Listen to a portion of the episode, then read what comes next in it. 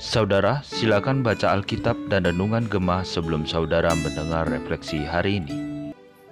Puji Tuhan, saudara sekalian, hari ini kembali kita bertemu untuk bersama merenungkan bagian firman Tuhan. Nah, kita akan membahas Yesaya 63 ayat 1 sampai dengan 6. Mari kita melihat Alkitab kita. Yesaya 63 ayat 1 sampai dengan 6. Lembaga Alkitab Indonesia memberikan judul perikop ini adalah hukuman pembalasan atas Edom. Saya akan membacakan untuk kita sekalian. Demikian firman Tuhan. Siapa dia yang datang dari Edom? Yang datang dari Bosra dengan baju yang merah? Dia yang bersemarak dengan pakaiannya, yang melangkah dengan kekuatan yang besar? Akulah yang menjanjikan keadilan dan yang berkuasa untuk menyelamatkan. Mengapakah pakaianmu semerah itu dan bajumu seperti baju pengirik buah? Aku seorang dirilah yang melakukan pengirikan dan dari antara umatku tidak ada yang menemani aku. Aku telah mengirik bangsa-bangsa dalam murkaku, dan aku telah menginjak-injak mereka dalam kehangatan amarahku. Semburan darah mereka memercik kepada bajuku, dan seluruh pakaianku telah cemar, sebab hari pembalasan telah kurencanakan, dan tahun penuntutan bela telah. Aku melayangkan pandanganku, tidak ada yang menolong. Aku tertegun, tidak ada yang membantu Lalu tanganku memberi aku pertolongan dan kehangatan amarahku. Itulah yang membantu aku. Aku memijak-ijak bangsa-bangsa dalam murka, menghancurkan mereka dalam kehangatan amarahku dan membuat semburan darah mereka mengalir ke tanah. Mari kita berdoa. Terima kasih Tuhan untuk firman-Mu yang senantiasa terus menjadi terang bagi langkah kami, perjalanan hidup kami. Terima kasih hari demi hari Tuhan tetap bersama dengan kami, menyertai kami. Bawa kami untuk mengerti dan melakukannya di dalam kehidupan kami sehari-hari. Dan inilah doa permohonan kami ya Tuhan. Di dalam Kristus kami berdoa. Amin. So sekalian saya percaya kita sebagai orang Indonesia pernah melalui media atau melihat secara langsung bagaimana ada pencuri, pencopet, atau pelaku tindak kejahatan lain tertangkap dan kemudian mengalami amukan massa. Terus kalian masa yang tidak terkontrol tentunya melakukan tindakan hakim sendiri. Dan ketika pihak berwajib sudah mengamankan, eh pelaku tindak kejahatan yang sudah lemah, tidak berdaya itu masih tetap uh, mengalami tindakan hakim sendiri. Di mana ada orang yang melayangkan pukulan, bahkan ada yang menggunakan balok kayu, batu, dan sebagainya seorang yang sudah sangat lemah. Hal ini tentunya mengusik rasa kemanusiaan kita. Sudah sangat lemah, tapi masih mengalami tindakan yang sangat sadis seperti itu. Dan sepertinya pihak berwajib pun tidak melakukan pengamanan yang maksimal. Terus kalian, hal seperti itu tentunya juga membawa kita bertanya-tanya apakah ini adil? Yesaya di dalam pasal 63 ayat 1 sampai dengan 6 menggambarkan di dalam bentuk puisi bagaimana Allah kemudian turun tangan melihat umatnya Yehuda yang memang waktu itu diizinkan untuk mengalami kekalahan, ditawan, dijadikan budak oleh bangsa Babel. Tetapi bangsa yang sudah lemah, bangsa Yehuda, bangsa yang tersisa tidak dibawa ke Babel, masih mengalami yaitu bukan hanya diejek, dijarah, tapi juga dibunuh, bahkan ditangkapi untuk kemudian diserahkan kepada Babel. Dan itu semua dilakukan oleh bangsa Edom. Bangsa Edom memang seteru daripada bangsa Yehuda.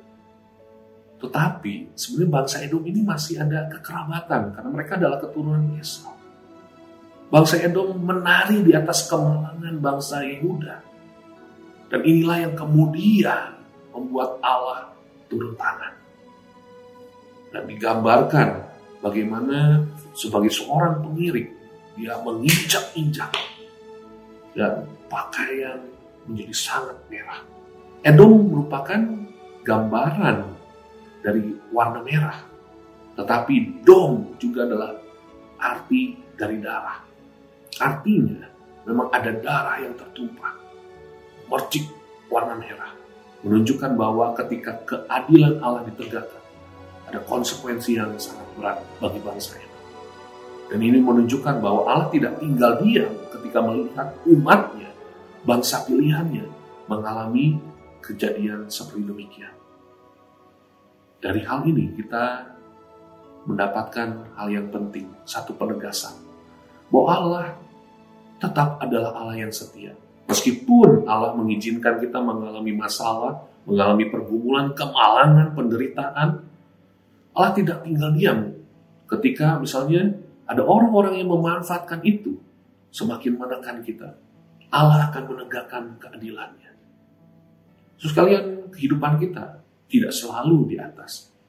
Kita mungkin terjatuh dikarenakan konsekuensi dosa atau kesalahan yang kita perbuat. Percayalah di dalam keadaan seperti demikian, Allah tetap memperhatikan kita. Allah tetap ulurkan tangan bagi kita. Dan tentunya orang-orang yang melihat orang-orang yang sudah mengalami kelemahan tidak lagi menggunakan kelemahan itu untuk mengambil keuntungan bagi diri mereka sendiri. Tetapi seharusnya mereka mengulurkan tangan yang penuh dengan kasih untuk mengangkat, bukan menjatuhkan, menekan, atau mengambil keuntungan. Orang yang melakukan seperti demikian akan menuai konsekuensinya. Karena Allah adalah Allah yang memperhatikan. Allah adalah Allah yang adil. Setiap perbuatan jahat yang kita lakukan, Allah menuntut ada konsekuensi atas tindakan-tindakan seperti demikian. Karena itu, mari sebagai anak-anak Tuhan, ketika mungkin kita mengalami tantangan pergumulan hidup yang begitu berat, percaya Allah tidak tinggal diam. Dan juga bagi kita, ketika kita melihat ada orang-orang yang mengalami kelemahan, mengalami mungkin kehidupan yang berat bagi mereka. Tolonglah, berikan penghiburan, berikan bantuan bagi mereka. Dan Allah pasti akan menunjukkan kebaikannya bagi kita. Tidak mengambil keuntungan dari kelemahan orang lain, tapi justru menunjukkan belas kasih Tuhan, keadilan Tuhan.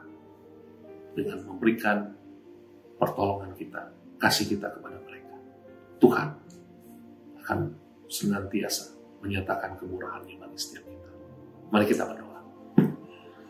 Tuhan kami bersyukur untuk firman-Mu yang mengingatkan kami bahwa Allah tetap bersama dengan kami. Allah tetap melihat, menyertai kami, dan memberikan kepada kami kekuatan pertolongan di kala kami lemah. Dan kiranya kami juga yang mungkin kami memiliki berkat-berkat, kekuatan, kami juga tetap mengandalkan Tuhan. Apabila kami melihat ada saudara kami yang sedang membutuhkan uluran tangan, kiranya hati kami boleh digerakkan. Hati kami sungguh menyatakan kebaikan Tuhan yang kami alami untuk dirasakan juga oleh sesama kami. Terima kasih Tuhan firman-Mu bersama dengan kami dan terus membangunkan kehidupan kami. Di dalam Kristus kami bersyukur berdoa. Amin. Selamat menjalani hari ini. Tuhan memberkati kita sekalian.